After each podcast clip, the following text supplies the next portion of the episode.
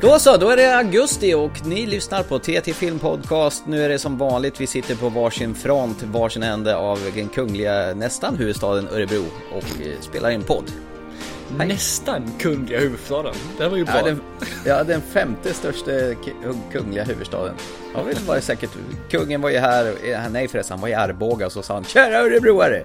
Ja, han var ju här i Örebro bara för några år sedan också. Fem, sex år sedan var det det här va? Och då sa han, nu, nu vänder vi blad så du, kära Arboga boare, borare. Antagligen sa han det. Vi båda jobbar nu och eh, fast det är fortfarande svinavarmt så man kan ju sitta ute och bara njuta av eh, värmen sval augustikväll. Vilket jag faktiskt gör idag. Man mm. sitter mm. ute här på uteplatsen och tittar ut över nejderna, det vill säga grannhusen. Mm, är det fint? Vad gör grannen? Eh, vänta, vänta. Han... Usch, nej det kan jag inte berätta. Censurering på det. Okej. Okay. Han lukar land. Ja. ja. men vi är väl tillbaka i vanlig form utan några utsvävningar där vi dricker öl på puben och eh, när vi träffas så har samkväm och dricker alldeles för mycket vin. Eh, det är ju lite sorgligt på sätt och vis men samtidigt så är det väl skönt att vara tillbaka i så vi brukar vara kanske. Ja, det finns ju en trygghet i det här med att man kommer in i de gamla fållorna, absolut. Mm. Yes. Men eh, de gamla fållorna här, jag, måste sticka ut med en gång här och tala om att jag har ett uppdrag men du tvingade mig att inte ta uppdraget i det här programmet för du tyckte att vi hade för många filmer att se på. Mm, vi har varit lite, vad ska man säga, har vi fått storhetsvansinne eller vi har varit lite optimistiska eller någonstans där mittemellan. Nej, det kom vi erbjudanden som vi inte kunde tacka nej till så då, då körde vi ju givetvis. Så idag ska vi behandla fyra filmer eh, och snudda vid en och så därför får ditt uppdrag lite... Får stå tillbaka. Det får stå tillbaka till ja. nästa program. Och det får väl även kategorin eh, Jag läxar upp mina barn i filmkonstens värld. Nej. Jo, tyvärr. Det får stå tillbaka Nej. det också. Men jag har ju längtat ju. Ja, det har jag med. Men ja, det, kommer tillbaka. Eh, vi har ju tävlat ut filmer på löpande band här under sommaren. Det är ju liksom sommar, det är alltså synonymt med sommar. Vissa de går på bio och kollar på Blockbuster, vi tävlar ut filmer, andra krökar så att eh, rosévinet bara skvimper ner för halsen på folk. Nu på senare tid så har vi tävlat ut både Red Sparrow och en, den svenska filmen Hjärtat och Death of Stalin så vi känner oss ju något efterblivna om, i och med att vi ska prata om de filmerna i dagens program. ja, men så är det ju ibland. Alltså tävlingarna går före när vi är efter. Mm. Och sen har vi ju inte riktigt släppt avsnittet med två veckors mellanrum för det är lite bökigt att få till det här när vi båda semestrar på olika håll och ja, få till poddinspelning på regelbunden bas på sommar. Det kan vi fan ingen begära va? Nej, jag tycker nästan det. Men eh, å andra sidan fick de ju specialanda ju så att de behöver vara glada i alla fall på sitt lystmäte. Ja, och de har ju legat högt på topplistorna på iTunes så det är ju ja. också jättekul. Absolut. Mm. Eh, vi har faktiskt en tävling kvar som vi håller på, eh, som pågår just nu på både eh, Facebook och Instagram och det är Steven Spielbergs Ready Play One. Den såg väl både du och jag på bio i olika omgångar va? Ja absolut. Du såg mm. den väl före mig och jag såg den efteråt. Jag har väl mm. avhandlat mm. den lite grann eh, båda två men vi kan väl ta lite snabbt igen här idag. Ja kan vi väl göra. Alltså nu när, när vi tävlar ut den på Blu-ray eh, så passade jag på och tittade faktiskt på extra materialet på den här filmen. Okej. Okay. Ganska gediget. Du tittar ju inte på sånt men du har ju börjat med det. Har ju liksom Ja fast inte den här gången ens, än så länge har jag inte gjort i alla fall. Nej, utan det är en ganska täckande bakom film som är, alltså den är över två timmar. Som eh, täcker allt från eh, intervjuer med författaren, som han, han som har skrivit Ready Play One, som boken som den är baserad på. Och allt från hur de kastar eh, skådespelarna och hur de gör effekterna och det jag var mest nyfiken på i den här filmen The Shining-segmentet, hur de lyckas få till det. För det är ju så jävla snyggt tycker jag. Till musiken, hur han jobbar med han eh, och inte den vanliga John, John Williams utan han som gjorde musiken till eh, Tillbaka till framtiden. Ja, Steven Spielberg är där som en pappa som går runt där och han har ju sina rutiner. Han startar ett projekt och avslutar ett projekt och han eh, intervju, hur han castar de här unga skådespelarna som inte har varit på, i så stora filmer. Jävligt intressant faktiskt. Ja, får kanske titta in på det sen tillfälle. Bara så här lite efter andra titeln så tänker man ju att den här filmen är nästan tvungen att se flera gånger. Med tanke på att det är ju så proppat med referenser till 80-talet och filmreferenser och spelreferenser och grejer så att blinkar du då hinner du ju missa någonting av detta. Ja, stämmer. Det var väldigt fullproppat som sagt. Lite för mycket tycker jag. Men det är fortfarande. Mm. Tidningen Empire de listar ju alla filmreferenser och spelreferenser och musikreferenser som finns överhuvudtaget. Det är över hundra stycken alltså, så det är, det är massor, massor. Ja, jag ska säga. Jag tycker mm. ju bara att less is more. Så att, men mm. Eh, det, det, är kul är det samtidigt. Jag ska inte vara helt, jag ska inte vara som en jätteneggo till det. Men jag, jag tycker det, det förtar lite grann. Att man, man inte riktigt hänger med. Och det här be, behöva pausa en film för att mm. titta efter saker och ting. Men den här filmen är fortfarande tycker jag att man ska in i illusionen. Man ska in i filmen. Pausar man så är man utanför så tittar man lite grann. Då är det, då är det något annat. Då är det inte en film man tittar på utan då är det... Jag vet inte vad det är för något man tittar på istället då. Så å andra sidan så tror jag nog att, att tanken kanske är att man ska se den en gång, två gånger, tre gånger för att upptäcka där du inte såg första gången. Vad vet jag? Ja, ja kanske. Yes. Vi behöver inte beröra så mycket mer av, tycker jag, Ready Play One, för den har vi pratat om tidigare. Så att eh, vill bara påminna att vi tävlar ut den i programmet. Så att när lagom till det programmet har släppts så har vi två lyckliga vinnare av varsin Blu-ray. Och den tävlingen görs i samarbete med 20th Century Fox Sverige. Trevligt, trevligt. Ska vi gå till dagens första film? Ja, jag tänkte som sånt här eftersom vi faktiskt den här gången pratar om två filmer som är Rysslandsinspirerade. Det ena är Death of Starling och det andra då är Red Sparrow. Så måste vi väl också ge det här avsnittet till våra ryska lyssnare. För vi har faktiskt sådana också. De är inte har vi många. två stycken? Ja, de är inte många, det är de inte. Och de är ganska sporadiska ska jag säga också. Så att, eh, men om de lyssnar på det här avsnittet, vilket säkert gör med tanke på att de säkerligen ser vad vi säger om Red Sparrow och Death of Starling. Så ska vi mm. ändå hälsa dem välkomna på sedvanligt svenskt sätt. Uh, uh, uh. Och nu ska vi då försöka göra det samma brevad som vi gjorde med japanska förut. Och då låter det så här. Privetjivu, jag säger Privetja, TT Filmpodcast. Och det är mm. hej och välkomna till uh, alla våra ryska lyssnare. alla två. ja, typ. Ena i Minsk, andra i Sankt Petersburg. typ. Uh, Death of Stalin uh, av regissör Armando Ignauchi, tror jag det uttalas. When a great leader falls, Stalin is dead! Who will follow? What's a war hero got to do? Get some lubrication around here. How can you run and plot at the same time? Meet your days for tonight. Smile, shake hands, and try not to call them.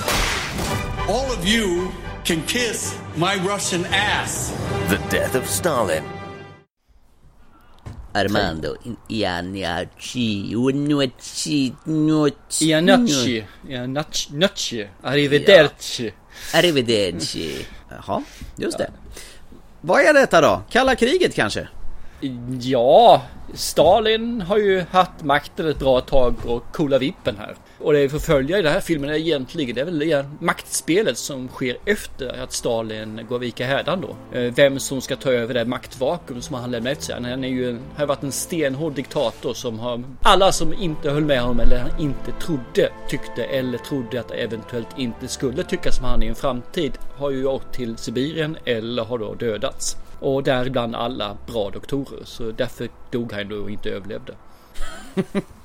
Så att där får vi följa de här Khrushchev och alla de här då som finns då som vill bli den som är makt på ettan i makten i Sovjetunionen nu då. Och det här är ju rätt så intressant för det, det känns som att den är relativt trogen historien i vissa delar mm. i alla fall. Och sen har man då broderat ut den i andra delar. Men den, är, den känns som att det är nog nästan så här det kan bli om man tonar ner lite grann den svarta humorn. Så att mer så behöver jag egentligen inte dra om det. Jag vet inte om du har något tillägg egentligen. Nej, utan allting kretsar ju kring eh, Stalin som vippen. Han får väl någon eh, stroke eller någonting. Ja. Och, och hans närmaste kabinett där försöker samordna för att hur ska vi gå vidare nu när han är död? Sätter vi till tillförordnade Gregory Malenkov och hans anhängare det som först slår mig när jag börjar titta på den här filmen, jaha, det är Ryssland. För det blir lite pajigt när de pratar väldigt perfekt brittiska i den här filmen. Ja. Eh, det liksom sugs ju inte in direkt i att det här är en rysk film. Utan man måste tänka efter, ja okej, okay, det, det, är, Det handlar om Stalin och hans dårar runt om. vet du anledningen till att de gjorde så? Ja, det är brittiska skådespelare som inte kan ryska. Ja, nej men de valde givetvis inte att prata ryska för att du säger brittisk skådespelare. Men de valde även att inte ha eh, rysk accent. Brytning, nej. Ja, Brytningen. Enbart för, det här för att de ville inte att folk skulle tänka på den här med ryskan samtidigt som de skulle improvisera. För väldigt mycket av den här dialogen är improviserad i filmen. Och då ville han inte att de skulle hela tiden hålla på den. De skulle latcha lite grann och, och utveckla dialogen. Så det är ett medvetet beslut man gjort att inte göra det för att göra det enklare för skådespelarna. Ja, men det, det är nog eh, faktiskt bra tänkt så faktiskt. Och jag tycker det är lite skönare faktiskt själv än att de försöker låta ryska lite grann som eh, Röd Oktober. Just det. Var Sean det- Connery är där liksom, det är bara, det är bara patetiskt. Sean Connery spelar Mm. rysk ubåtspilot. Ja, nej, men det blir fånigt. Kapten, men eh, okej. Sa jag pilot? ja, det är åt andra hållet.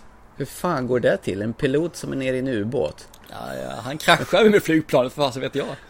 Jag tänkte på en annan ubåtsfilm, K-19, The Widowmaker med, tror jag, Harrison Ford och Liam Neeson om jag inte minns fel. Där pratar de typ ryska i typ 3-4 minuter och Ja. sen helt plötsligt så övergår det till engelska. Så löste de i den filmen. Och jag tycker nog att det är töntigare. Det är fan töntigt. Ungefär som man ska idiotförklara den som sitter och tittar. Ja men lite grann så är det tycker jag. Och därför tycker jag det är bättre att göra så här. För, för mig spelar det ingen större roll. Jag vet inte, du sa att du inte kom in i filmen på samma sätt. Men jag tyckte nog att jag brydde mig inte så jättemycket om att de pratade engelska faktiskt. Det här är ju ett rävspel med större mått hur de här, hans kabinett, eh, folk, Georgro Malenkov, du har eh, Nikita Khrushchev och du har Molotov Cocktail, Vyacheslav Molotov, som spelat Michael Palin. Hur de eh, verkligen, de kliver över lik för att få, få gå, gå dit de vill komma. Kompisar utåt och bakom kulisserna så sätter de knivar i ryggen på varandra. Ett enat parti där fast det egentligen är helt vansinnigt. Förutom egentligen som är Malenkov för han är ju inte sån. Han är ju faktiskt en helylle kille egentligen. Ja, visst är det så. Eller, jag vet, Eller- och dum men ändå. Ja, på något sätt så, jag vet inte. Jag får inte för mig att det här ska klassas som en komedi. Det är en jävligt mörk komedi och så vidare. Men det pendlar väldigt, väldigt upp och ner på drama och komedi. Alltså, det känns ju som det är en historielektion om vi, om vi tänker på, vi pratade om Darkest Hour med, det, som handlar om eh, Winston Churchill. nu står det still. Win tack, Winston Churchill. Fast eh, det här är ju också känns som en historielektion. Fast de gör en svart, mörk komedi som ibland trampar över och blir väldigt brutal och eh, bitvis Ja, otäck. saken är den att ibland när de håller på och det blir sån här svart komedi som du säger. Och då, då är det, blir nästan så här, jag sätter skrattet i halsen för att det känns för nära verkligheten för att det ska bli så här spontankul.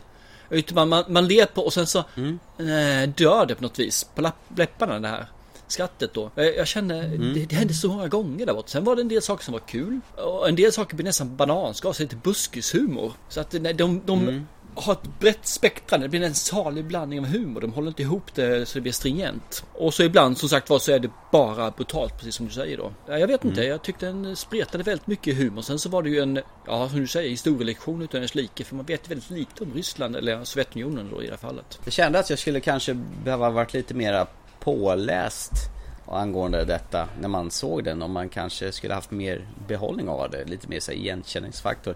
Alltså där var det faktiskt. Eller, jag har ingen aning. Jag tror inte det hade gett så mycket mer. Nej, ja, kan, kanske att du hade känt igen namnen bättre. Men några känner man igen i alla fall. Det, jag, jag tyckte liksom att eh, som Men- Stalin, kände du igen honom?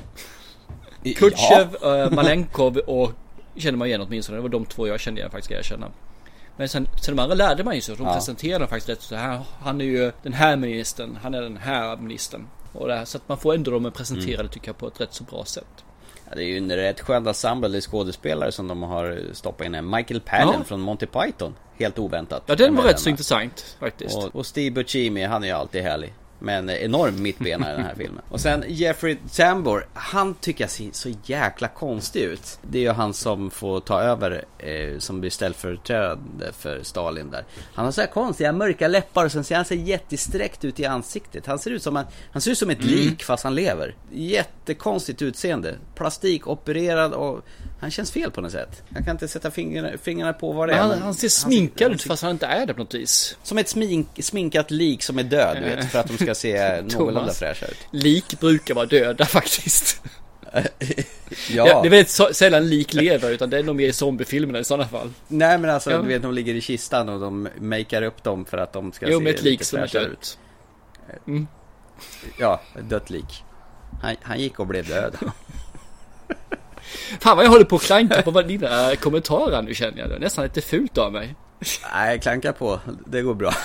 Du, det finns en scen där i början av filmen när de håller på och kör den här konserten. Eh, ja, det är så underbart. Och det första jag såg bara, vänta lite han som satt där bak och fick det samtalet från kabinettet. Tom Brook. Ja, just det. Alltså, han känner igen. Ja. Han känner igen. Sergej. Nej, inte Sergej. Ja. Alltså. Ja, jo, hans... Eh, nej, nej, det är den andra killen jag tänker på. Okej. Okay. Eh, ja, det är ju han som springer fram där. Han har ju sett, och han har sett han i en tv som heter Preacher heter de. Och där är han faktiskt en ängel. Vilket är, de är inte riktigt som de änglar som man föreställer sig i den serien, utan de är lite annorlunda. Men den, den serien är ju skitbra och han är helt grym i den. Han är med i första och en bit in i andra också.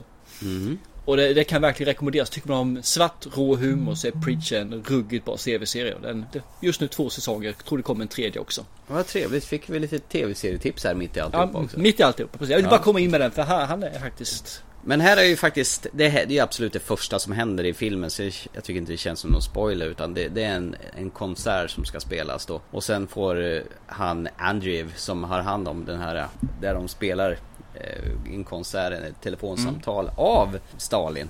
Och han är rätt sugen på att få en inspelning av den här konserten. Och han går ut och säger Har vi i någon händelse spelat in den där? Nej, så han tvingar ju alla sitta kvar och sen får de spela konserten en gång till. Och det ser, förstår man redan där vilken jäkla makt Stalin har på folk och vad rädda de är för honom om inte han får som han vill. Och så fort de nämnde liksom att jaha, är du säker på att det här istället inte avlyssnas? Så börjar alla göra aber. Det var inte så jag menade, förlåt, oj oj oj. Så alla tror att de är övervakare, alla tror att alla kan ange varandra. Så de ja. är ju dyngrädda för det system som finns i landet. Ja, men det är en urstark cast. Underfundig svart humor som ibland går över gränsen till, som du säger, lite för nära verkligheten. Så man sätter, som du säger, skrattet i halsen också. Och sen är det ju härligt att se Malfoy även i den här filmen. Eh, han som är med i Star Trek och tv-serien AO. Du vet vem jag menar? Men han generalen med eller? Ja, precis. Det är ju Mr Malfoy. Lucius Malfoy ju. I, ja, precis. I Harry Potter. Är det inte Isaacs? Är det inte han? Nej. Jo, precis. Isaacs. Är det han? Ja. ja. Okej, då börjar vi gå vidare och säga rätt namn med en gång då. Jajamän. Nej men eh, vad ska man mer säga om det här?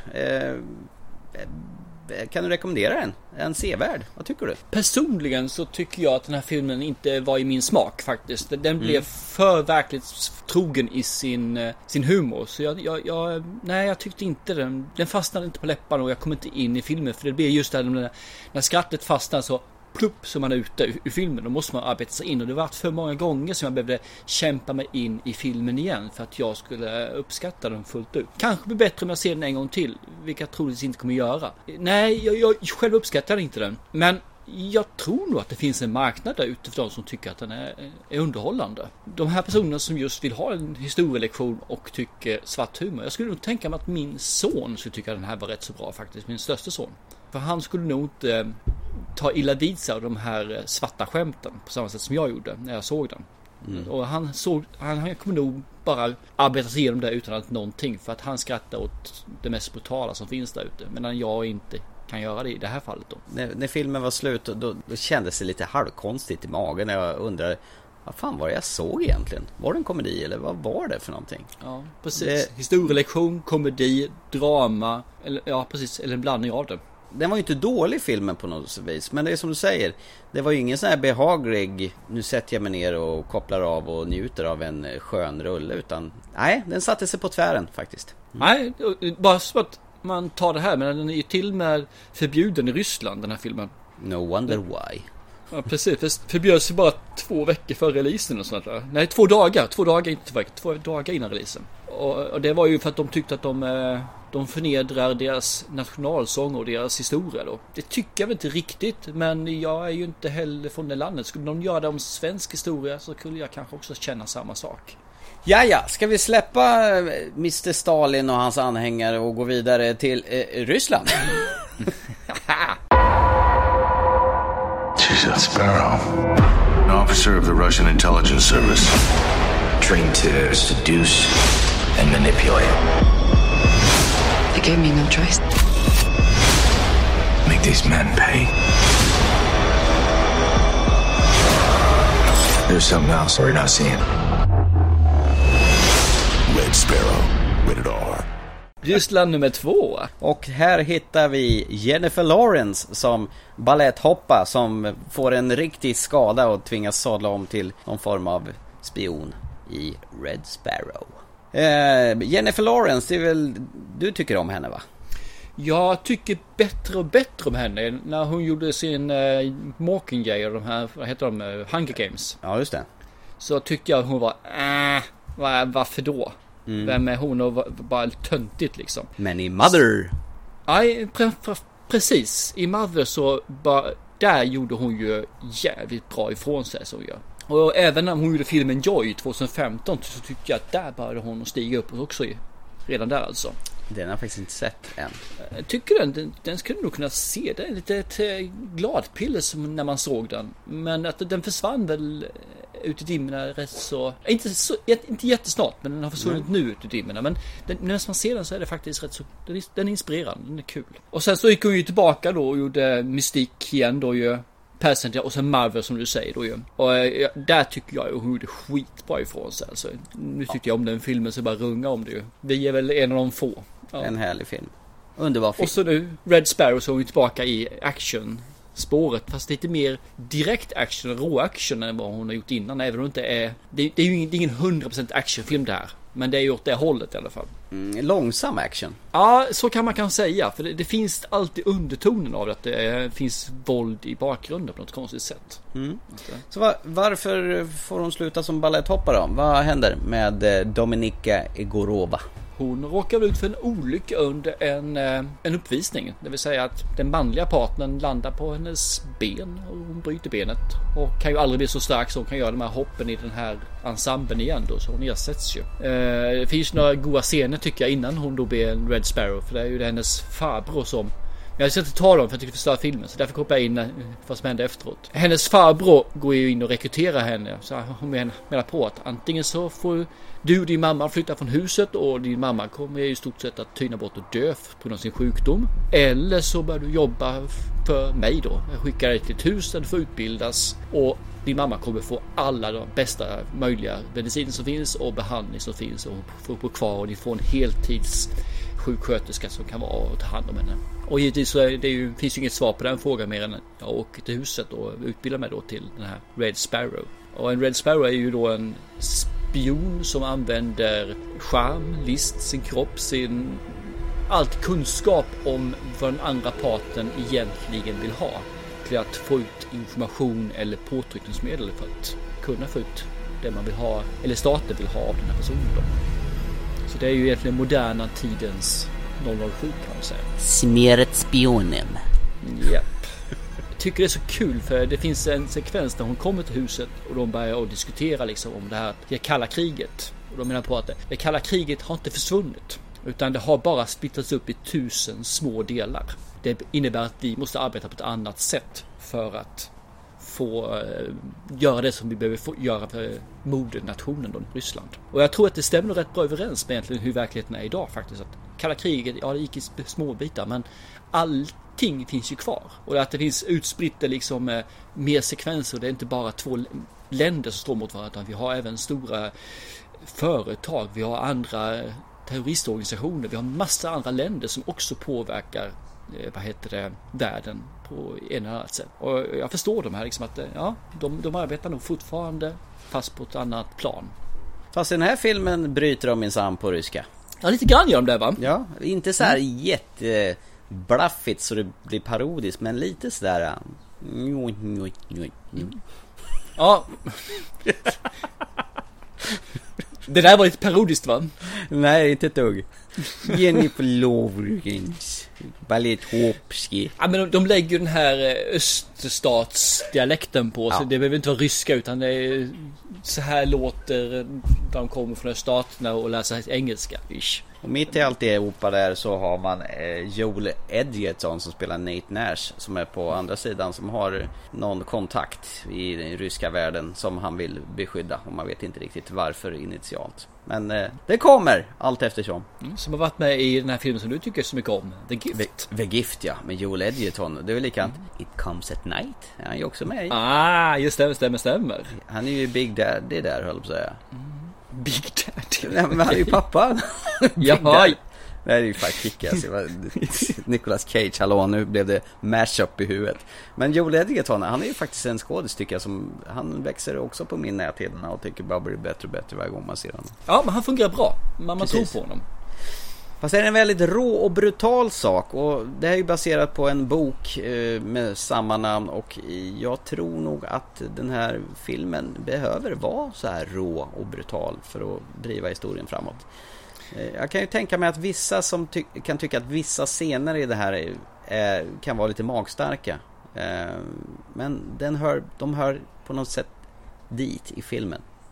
Du menar den här där det är lite mer Ja det blir väldigt rått när det gäller det sexuella sådana saker. Ja precis, exakt. Mm. Det blir riktiga övertramp när ryska män utövar sin makt på, ja till exempel då Dominika här, Jennifer Lawrence rollkaraktär.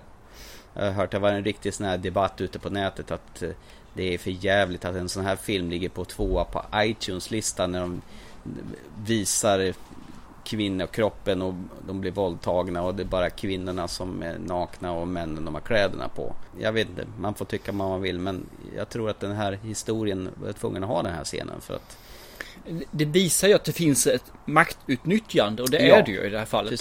hur ska du göra det på annat sätt? Nej, jag tror ju inte på censur någonstans och den är ju avskaffat för 90-talet i alla fall. Det har ju hänt i andra filmer också och det är ju liksom historien är skriven så här. Hur ska man annars göra det?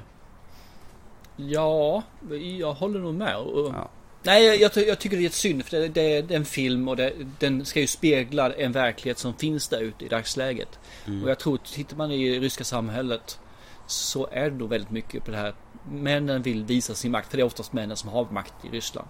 Mm. Och det gör man genom att man trycker ner den andra parten. Alltså då, kvinnan i det här fallet, det behöver inte ens vara en kvinna utan det behöver vara en annan en motståndare. Men eh, Jennifer Lawrence karaktär Dominika, hon är ju en tjej med skinn på näsan så hon är ju inte den som låter folk sätta på, sätta på till höger och vänster om man säger så. Det får man ju snart reda på. En stark tjej. Mycket. Jag tycker hon passar väldigt bra in hon, hon ser så vän ut. Det är, det är nästan lite som talar emot henne. Men ändå så finns det den här eh, stålet i henne tycker jag. Så jag tycker hon gör det skitbra. Jag, jag, jag blir faktiskt mer och mer imponerad över henne. Jag tycker hon kan bli mm. hur bra som helst när hon får lite mer år erfarenhet. Det enda jag kan tänka mig till filmens nackdel att jag upplevde när jag såg den att den var lite för lång och den klockar in på två timmar och 20 minuter.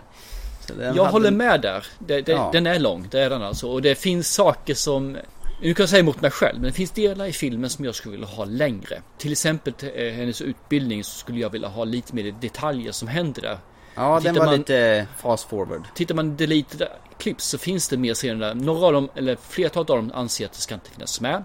Men mm. några av dem skulle kunna varit det och framförallt skulle man byggt vidare på några av de här scenerna. Och sen så finns det andra scener lite senare i filmen som jag anser att vad fasen, varför behövde de vara med? Det, mm. det gav ju liksom ingenting. Så att eh, ja, lägg till lite grann där i början och korta ner slutet och mellanakten lite grann och så klockar vi in den här på strax under två timmar. Mm. Så hade det varit helt okej. Okay. Ja, jag hade nog velat tajta till den här lite grann.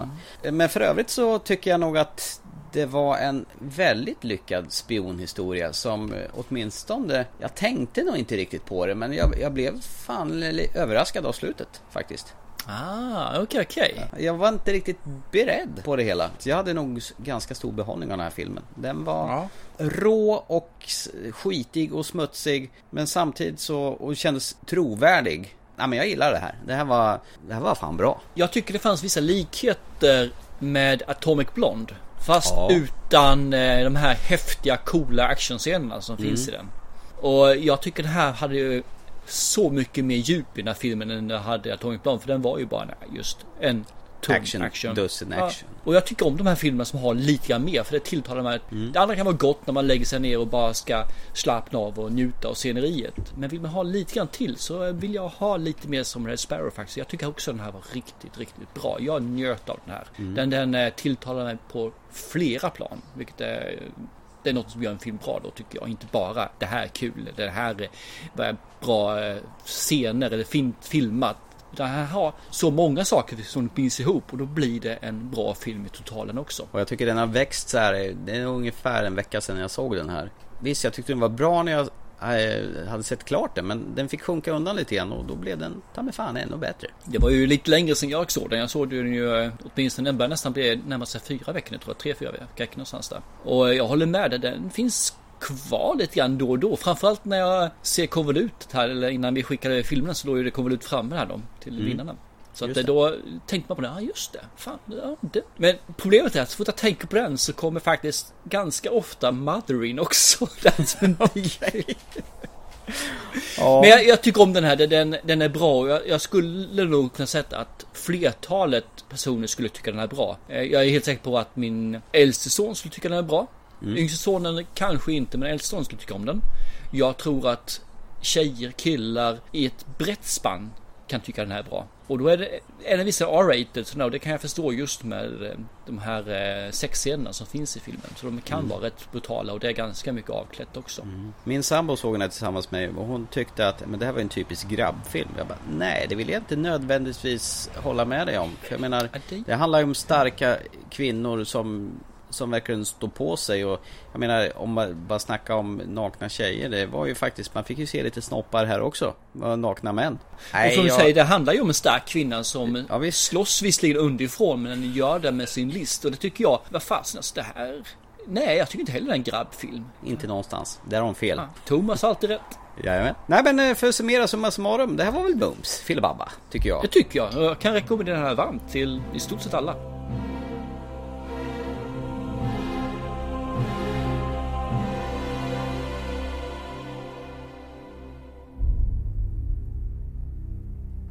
Ska vi ta och spela lite då? Det tycker jag. Alltid kul med en spelkväll. Ska vi köra brädspel? Varför inte ett sånt här eh, rollspel där man inte alls vet? En murder ja. mystery kanske? Sån här How to host the murder fast lite mer eh, live. Exakt, och då talar vi förstås om den nya komedin som frontas av Jason Batesman och Rachel McAdams i Game Night. Someone in this room is going to be taken, and it's going to be up to you to find them. It's a murder mystery party. You can't just come in here and break the door. Guys, make sure you get a piece of this cheese. You're not going to know what's real and what's fake.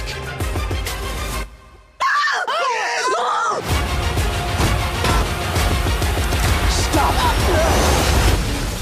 Yes! Oh no, he died! Game night. Innan jag drog igång den här i, i Blu-ray-spelaren så tänkte jag The Game, Michael Douglas. Du vet David Finchers mm. film när Michael Douglas får ett, någon form av rollspel av sin brorsa Sean Penn. Så han vet inte vad han ska ge till sin brorsa som har precis alltihopa. Ja, för det är väl några stycken som har jämfört det med den va? Har jag fått mm. mig. Ja, det är väl eh, på sätt och vis att ett spel som inträffar som man inte riktigt vet vad som är spelet och vad som är på riktigt kanske. Men eh, du får gärna dra. Vad, vad, vad händer på Jason Batesman och Rachel Max Adams spelkväll när brorsan Kyle Chandler kommer dit och ställer till? Ja, vi kan väl dra lite bakgrund till det första, egentligen om karaktären. De har ju träffats, han och hans fru, genom att eh, båda två är tävlingsriktade. De ska vinna till varje pris. Så in och bänge. Och det är ju det de attraheras av varandra också, att de, båda två är tävlingsinriktade. Så de följer för varandra och givetvis så anordnar de då sina spelkvällar för sina vänner. Allting går ut på att de ska vinna. Och han vinner jätteofta. Det enda han inte vinner mot är sin kära bror. Som då dyker upp på en spelkväll och säger äh, Tja, jag vill också vara med här liksom. Sen gör han ju det ultimata till misstaget, men han gör ju det här tabuaktiga att han bjuder in hela gruppen till sitt hus istället att köra game night där och där menar jag på där ska ni få en riktig game night, inte sånt här tjafs utan där blir det en real thing. Och det är ju den här slitningen som finns med det här att han ser ju upp till sin bror med eh, avsky kan man säga det. Typ. Så de åker dit och det här tar ju en vändning för han säger det här blir ju då som du säger ett, ett mysterium. En av oss kommer bortrövad. Och mycket riktigt så blir ju en bortrövad. Och frågan är ju då, är det verkligt eller är det på låtsas? Och det är väl det att man får ta rätt på i hela filmen som sagt vad, vad är det verkliga och vad är det inte verkliga? Eller är allt verkligt eller inget verkligt? Eller är allt bara på låtsas fast ändå verklighetsbaserat? Men nu är vi i komedi-genren så det bara dönar om det faktiskt. Och det fruktansvärt lättsamt detta. Ja, det här är popcorn. Det här är popcorn. Ja, riktig popcorn. Och jag kan säga att bara redan här och nu, jag njöt från början till slut. Det- här, det här är ju en tramsig bagatell, och, men det är ju snabbt skrivet, och det är hyfsat smart och jag gillar ju alla skådespelarna som är, allt från Jason Batesman, Rachel McAdams och Kyle Chandler som jag gillade jättemycket från tv-serien Bloodline. Det är ju jättekul att se honom i en sån här roll också. Och Jason Batesman, han är ju rätt duktig på att vara med i ty- en sån här typer av komedier. Alla får ju vara med utom den eh, konstiga grannen som är polis. Som har en Just liten hund. För det var egentligen exet de bjöd in och inte den creepy pojkvännen. Eh, Jag kan ju säga med en gång då också att han är ju den bästa karaktären i hela filmen. Ja visst är han härlig. Ja, jag älskar honom. Han är så jävla creepy. Jag har ju sett honom i, han var ju med i, tror jag, i andra säsongen av eh, tv-serien Fargo. Gary heter han väl, Jesse Plemons heter skådisen. Han är ju sjukt bra på att ha sån här stålansikte. Där han verkligen bara osar misstänksamhet till varför han inte får bli inbjuden till sina spelkvällar. Och de gör ju allt för att mörka för honom att de har det. Okej, han har varit med i ett avsnitt av Black Mirror också så att... ehm, Ja, ja men det är just det. Den här första avsnittet av senaste säsongen var den här Star Trek-inspirerade episoden då. Eh, Där, har, där är han huvudrollen. Och sen har, tror jag han minsann är med i, eh, vad heter det, Breaking Bad också. Om inte jag minns fel. Stämmer, stämmer, stämmer. Sen får vi ju se våran allas eh, seriemördare Dexter också i en liten roll i den här filmen, Michael C. Hall. Ja, en väldigt liten roll. Det måste vara Ja. att han dök in på spel eh, inspelningssajt så här, Åh, kan inte jag få vara med typ? Och det är klart han ska få vara med. Tyvärr så ser man ju bara Dexter stå där så att, eh, Nej men det är, det är en skön ensemble som, som, eh, som är på den här spelkvällarna. Ja, men det är det. Till, Absolut. till exempel Ryan, den här unga killen som spelas av Billy, Billy Magnussen. Som har med sig olika tjejer varje gång. Han är ju sån här u- urblåst kille, men jävligt charmig. Han som bara vill ha modeller, förutom den här gången när han då tar med sig någon som faktiskt har något bakom pannbenet. Och hon var ju brittisk. Ja, precis. Jag, jag tycker om karaktärerna faktiskt. Alla vill ju vinna. Så just starten på den här kvällen är så jag, alla har sin egen, egen approach på hur man ska vinna spelet. Så jag, jag tycker faktiskt om det.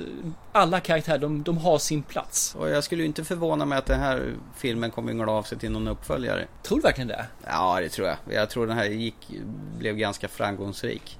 Liten budget att spela in den och jag tror den har spelat in pengarna med, med råge faktiskt. Nej, jag, jag, jag, kanske. Jag vet inte om jag skulle vilja att den gjorde det, men... eh, Men visst var Ja. det en, en eh, skön, glad överraskning på en skön komedi som funkar utan att det blir liksom urspårat och buskis. De, de blandar ju en, rätt så mycket. Det blir ju slapstick-humor en hel del här. Eh, och det finns ju en del lågt hängande frukt om vi säger så, så också när det gäller skämten. Men det finns en del som sticker iväg lite grann med verbal humor som jag tycker är väldigt underhållande. Så att ja, det, det är högt och lågt och jag tyckte också att den här faktiskt var jävligt skön att se på. Ja. Du behöver inte tänka så mycket. Följ med lite grann i ruschen och sen får vi se var det bär vägen någonstans. Så att, för det är ingen mening att försöka lista ut slutet på den för den, eh, det är ju kastat så hej vilt. Och så är ju Denzel Washington med också. Det missade jag. Hur fan missade jag det? Ja, nej nu är jag med! Just det, den ser Dö. Denzel! Åh, den är ju för jävla bra. Ja, Usch, den scenen är skitbra. Apropå det, på det så kommer ju Equalizer 2 snart här också. Du tyckte ju inte om ettan ju. Varför Ja, gjorde du var- inte det? Gjorde jag inte det? Nej, du tyckte den var skit. Nej, jag ska fan se om den in, inför tvåan så kanske jag omvärderar den. Ja, för ettan är jättebra. John Wick tyckte du var jättebra. Helt plötsligt så tycker du ju Denzel Washington Nej, jag har för dålig. fan inte tyckt att John Wick är bra. Helvete, helvete. Det är ju som nu, nu svär du ordentligt. Nej, du måste blanda ihop det på något vis. Hallå. Nej, men jag har för mig att du tycker Equalizer var eh, ingen vidare, så sett. John Wick vet jag att du tycker är sunkigt värre. Men jag, jag tycker om Equalizer. Jag tyckte verkligen om det. Den var ju en blandning av en gammal gubbe som eh, är lite Sherlock Holmes-ish. Eh, Med, med lite sådana här tvångsmässiga beteenden. Nej, se om den inte för tvåan. Det tror jag kan vara bra. Jag kan ju bara säga detsamma här med. Vill man ha en lättsmält film som man bara låter... Ja men fredagsfilm, det här tycker jag är en fredagsfilm. Oh ja, verkligen en fredagsfilm. Så slå på Game Night, för den, den är värd... Den är verkligen värd sin 1,40. Det ska inte säga något annat.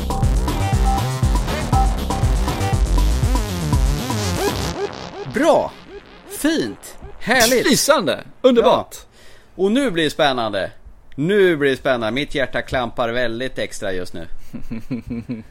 Vi ska prata om svensk film. Ditt absoluta favoritämne. Sista filmen för ikväll. Och då talar vi om Fanny Metelius egenskrivna, egenregisserade och egen eh, skådespelarska film Hjärtat.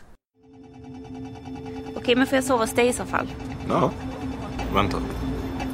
Varför ska du göra det för? Vadå? Sova hos mig? Det är kul att hänga. Men vadå, kan du inte sova hemma? Jo. Alltså jag hade ändå bestämt att vi inte... Vad? Jag hade bestämt att vi inte ska sova ihop. Men shit! Behöver ju inte betyda något om vi sover ihop. Vadå, vad är problemet då? Verkligen ärligt. Är det något? Typ, har jag gjort något eller tycker du att det är så här jobbigt att bo med mig? Nej. Alltså, du är på riktigt det viktigaste som finns för mig. Det finns ingenting som betyder mer för mig än du. Men har du legat med någon sen dess? Jag tror att det är för att din pussy är deprimerad. Exakt. Varför pratar vi om honom hela tiden? Varför pratar vi inte om dig och ditt liv, Mika? Men kolla. Du är skitfin.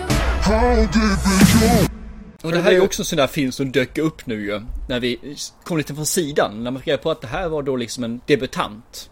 Som vi har släppt en film. Det är klart att vi vill se på den ju. Ja men vi är ju lite svaga för debuterande, lite Ja, independent och- filmstuk så här. Alltså, då puttar man givetvis ut mitt uppdrag just. Jag får ta det nästa avsnitt istället och så ser man på hjärtat. Tyvärr får jag säga att just svensk film och jag, vi har, vi har ett komplicerat förhållande. Jag har jättesvårt att jag vill se den här filmen. Jag älskar att se framåt se den här filmen, men inte just nu. Inte just nu. Nej, men vi, vi göra det sen. Och mm, inte just nu. Och jag har dyngsvårt, så jag såg den här väldigt, väldigt sent faktiskt. Typ alldeles innan vi körde igång och spelade in. Lägg av! Men då har du en überfärskt i minnet då. Den är überfärsk, den är, absolut. Ja. Jag förstår inte varför jag har så svårt för svenska filmer. För de, här debutanterna, de sista nya filmerna som görs i Sverige har varit bra. Men jag har ändå jättesvårt att se på dem. Alltså jag tror det här tryck på play-knappen, det är som ett maraton upp för Kebnekaise. Vad säger har hjärtat svårt att slå igång nu? ja, jag ska villigt erkänna att jag eh, började titta på den här i förrgår och sen såg jag klart den igår också. Okej. Ja, det är inte ensam i alla fall. Så då har vi den här superfärskt i sinnet. handlingen. Enkelt kan man säga så här att det är egentligen en kille och en tjej som träffar varandra på skolan. De trivs varandras sällskap, är väl inte riktigt tillsammans för hon vill inte ha ett förhållande och så här då. Och de flyttar väl inte isär men flyttar ju åt skilda håll. Hon flyttar hem och han flyttar till Stockholm för att gå vidare i studierna. Men de håller kontakt, de skypar och de... eh, Det heter inte skypar, det heter fa- Facetimer heter det ju. Facetimar, hänger du inte med i tekniken nu heller? Ah, nej, jag gör ju inte det. Och eh, till sist då så flyttar hon också till Stockholm. Och där hookar de upp och blir då ett par. Med de eh, svårigheter som det innebär för dem. För de är ganska olika de här två. Hon är ju en väldigt eh, utåtriktad person. Och han är då en som gärna sitter hemma och spelar ett tv-spel istället. Och hon är ju en väldigt eh, fysisk person när det kommer till sexualitet. Och han menar på, nej men jag är ganska trött. Och det här blir ju någon, ett stormigt förhållande de arbetar fram och tillbaka. Och jag, det är egentligen ett vad säger, relationsdrama kan man säga va? Mm, det är ungefär precis vad det är. Relationsdrama där de stöter på de hindren där man kanske inte riktigt är i fas med varandra i, i livet. Det man kan säga mer är att det finns ju bara en skådespelare som jag kände igen i hela ensemblen här. Och det är ju Susanne Reuter. Som gör ju ett fenomenalt lysande insats som vanligt. Ja jag, jag men älskar ju Susanne herregud, Reuter. Susanne Reuter, hon är ju min idol. Jävlar vad Ja. bra hon är. Hon är en av de svenska kvinnliga skådespelarna som finns. Mm. En av dem. Det ska bli kul att se nya Yrrol-filmen som eh, har premiär om ett halvår. Ja, det kan, kan bli kul. Kan bli kul. Kan också bli tragiskt. Vi får se. Ja, absolut. Jag tycker faktiskt att det här fungerar och jag tycker att skådespelarinsatserna är faktiskt ganska bra. Mm. Jag ska säga det, när jag läste lite grann om det här, just att hon hade skrivit den, hon hade regisserat den och så tar hon då huvudrollsinnehavaren också och ska vara den med. Jag, jag är liksom, mm, är det så lysande egentligen att man ska göra allting? Man blir så investerad i saker Mm. och ting. Men jag tycker hon får till det. Hon, hon känns spontan, hon känns ärlig i, i sitt skådespelande. Och jag, jag tycker att det flyter. Sen finns det några av skådespelarna som då är lite mer stappliga. Mm. Jag tycker han är eh, okej. Tess Färg, han är Ahmed Berran.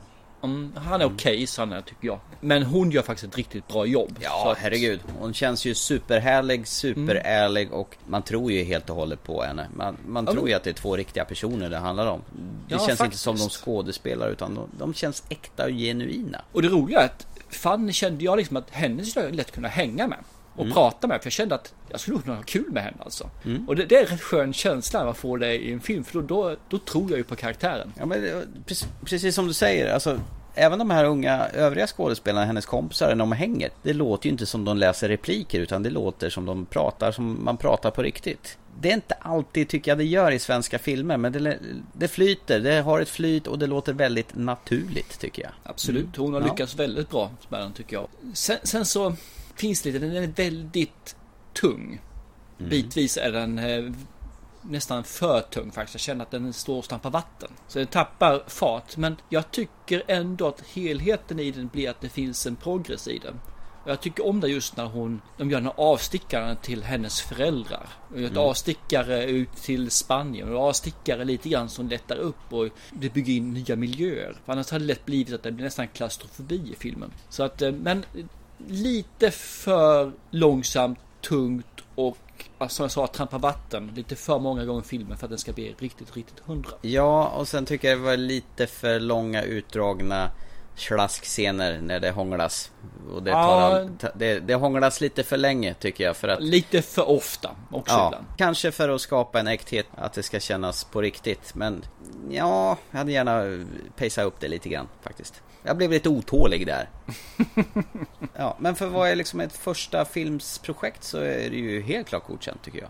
Ja, det tycker jag. Hon har ju bara gjort någon kortfilm innan om jag är Ja. rätt informerad. här. Hon har ju varit med i Ruben Östlunds Den här Turist, eller eh, Force Majeure som det heter på engelska. Där eh, Fanny spelar en tjej som heter Fanny. Givetvis. Här heter hon Mika. Nej men eh, som sagt Susanne Reuter hon ger sin dotter några handfasta råd när de är, håller på att bära ner en bokhylla och blir förbannad på henne när hon tycker att hon ska gå i terapi. Vadå, vad är problemet då? Nej, jag vet inte. Det är inget.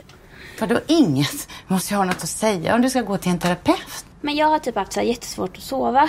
Och eh, det är jättedåligt mellan mig och Tesfaye.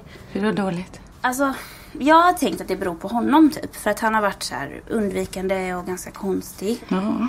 Men sen så sa han, och jag tror ändå att han har en poäng typ. Att han var så här, men du har väldigt mycket bekräftelsebehov. Och att han eh, tycker att jag typ ältar saker väldigt mycket och sånt. Ska vi, vi försöker få ner den här nu. Okej. Tycker Ja, jag. när hon får spela på sitt känsloregister så tycker jag också hon är helt lysande alltså. Ja visst. Ja, nej, jag vet inte. Jag har svårt att utveckla filmen mer än så här egentligen. Nej, Men det går ju inte. det, för det, det, det är en film som måste upplevas. Man kan inte berätta om den för då ger man bort lite för mycket tycker jag. Utan man, man ska uppleva den och få den här relationen hur den utvecklar sig framåt. Och det personen också utvecklas egentligen på den vevan. Det sämsta med den här filmen, vet du vad det var? Eh, musiken? Nej, det är att den fick Nej. mig att känna mig gammal. Ja, men, jag vet, Men jag Thomas, vet, du är gammal. Ja, jag vet. Det handlar om unga människor. Jag vet inte om jag är riktigt är målgruppen för detta. Jag, jag diskuterade med min arbetskamrat som hade sett den Ja. också. Han sa men det är ju fullt med igenkänningsfaktorer och liksom. Och det är ju ont i hjärtat när man har varit och upplevt det här. Jaha, säger jag ser ut som ett blankt papper och jag känner mig totalt idiotförklarad. Så han köpte Okej. det med hull och håg och bara tyckte det här var en helt fantastisk film. Okej, nej jag kände nog inte som du gjorde så. så jag såg det mer som en relationsfilm. Alla har väl mer eller mindre varit i ett förhållande som kanske inte är det bästa för en. Mm. Igenkänningsfaktor, ja till viss del finns det väl. Men nej, jag tror nog att eh, ja, åldern för mig hade ingen, det spelar ingen roll. Det kunde likväl varit eh, ett äldre par i det här fallet. När Harry träffar Sally. Ja, typ. Fast de Mm. var väl bra för varandra jämt. Det var bara att det var fel tillfälle hela tiden. Ja, jag vet inte. Det enda som jag ska inte reta mig på, men det var något som jag la märke till att de hade väldigt så här. Dum, dum, musik. Det var så här. Det är bara riktigt dunkat. Det fanns inte ingen film utan det var bara dump. Ett så här stort, stort basljud. Alltså. Och det var en sektion, jag trodde först de hade gjort det med vilja. Det var när de tände varsin cigarett. Och det var när de tände så hör man. Dum, Jaha. och sen så tänkte jag, wow, coolt liksom. Det här var ju jävligt snyggt gjort. Mm. Och sen så kom det efter det igen då. Tänkte jag, jaha, den låg bara av en tillfällighet där. Men det blir lite för mycket de här. Den behövdes inte finnas där. Den nästan kunnat eh, vara borta. Jag behöver inte ha någon musik. Jag behöver inte ha någon extra tillbehör känner jag. Utan scenen i sig själv hade hållit uppe intresset i alla fall. Ja, jag hoppas ändå att Fanny Matelius fortsätter på sin inslagna bana. Jag ser ju jättegärna att de står som skådespelare också från skön, charmig, härlig tjej som känns äkta genuin. Ja, jag vet inte. Jag, jag tycker hon, om hon ska välja, så tycker jag hon ska hålla sig till regissera eller skriva. För där har hon, tycker jag, någonting att berätta. Det finns någonting där verkligen som... Jag, jag tror det finns någonting där som hon, att hon har historier. Men vänta nu, Hon du vill ha ett- henne bakom kameran och jag vill ha henne framför kameran. Nej, kameran, alltså skriva eller regissera. Ja, ba, ja just det. Bakom, kameran alltså. Mm. Ja. och Om vill jag ha får välja, men jag tycker också hon var helt skön som eh, skådespelare. Så jag har inget problem med henne där heller. Men jag tror att, jag tror att hon skulle komma till sin mer rätt som eh, regissör eller eh, skriva, skriva manus. Ja, den som lever får se. Du, jag tänkte på en sak. Eh, när vi ändå pratar om independent-filmer och eh, så svenska filmer. Vi måste ju nästan göra en sh- shout-out till Rasmus Tirsitit som har påbörjat sitt nya filmprojekt eh, Ruin of the Dead, A Viking Saga. Som han precis har börjat spela in i- härom, häromveckan. Så det ser vi ju faktiskt fram emot.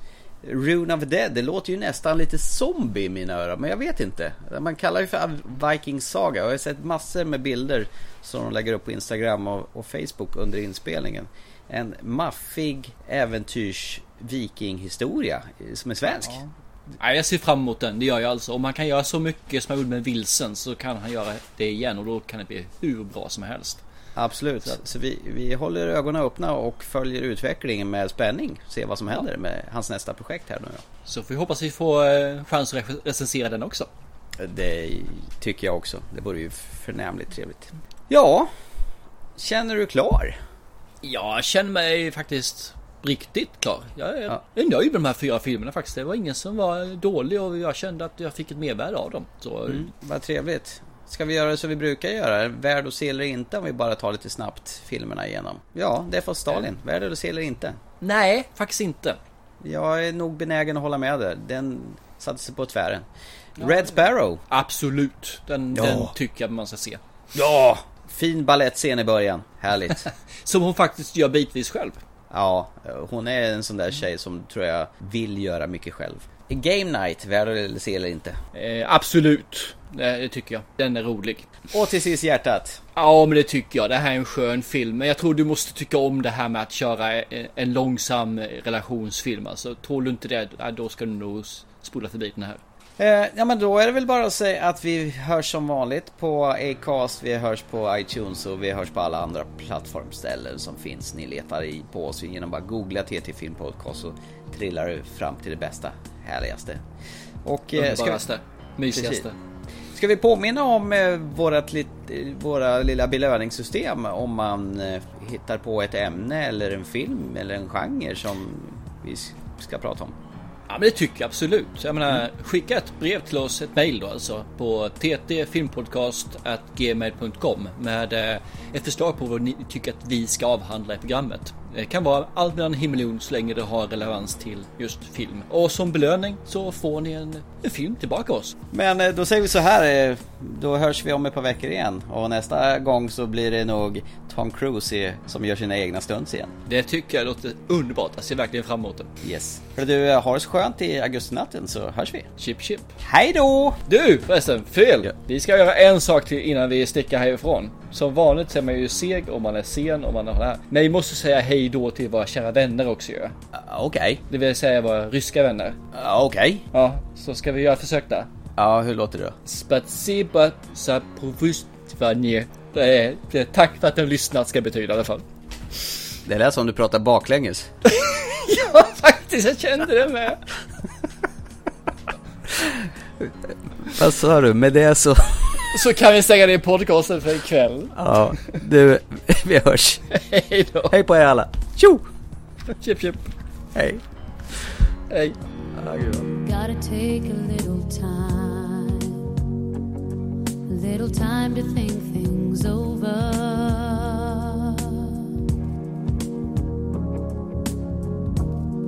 Better read between the lines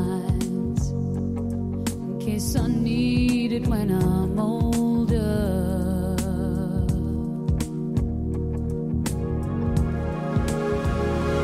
Ooh, yeah.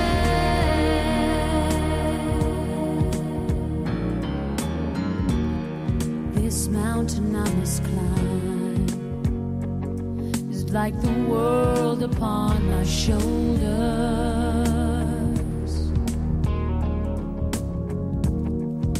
The clouds, I see love shine. It keeps me warm as life grows colder.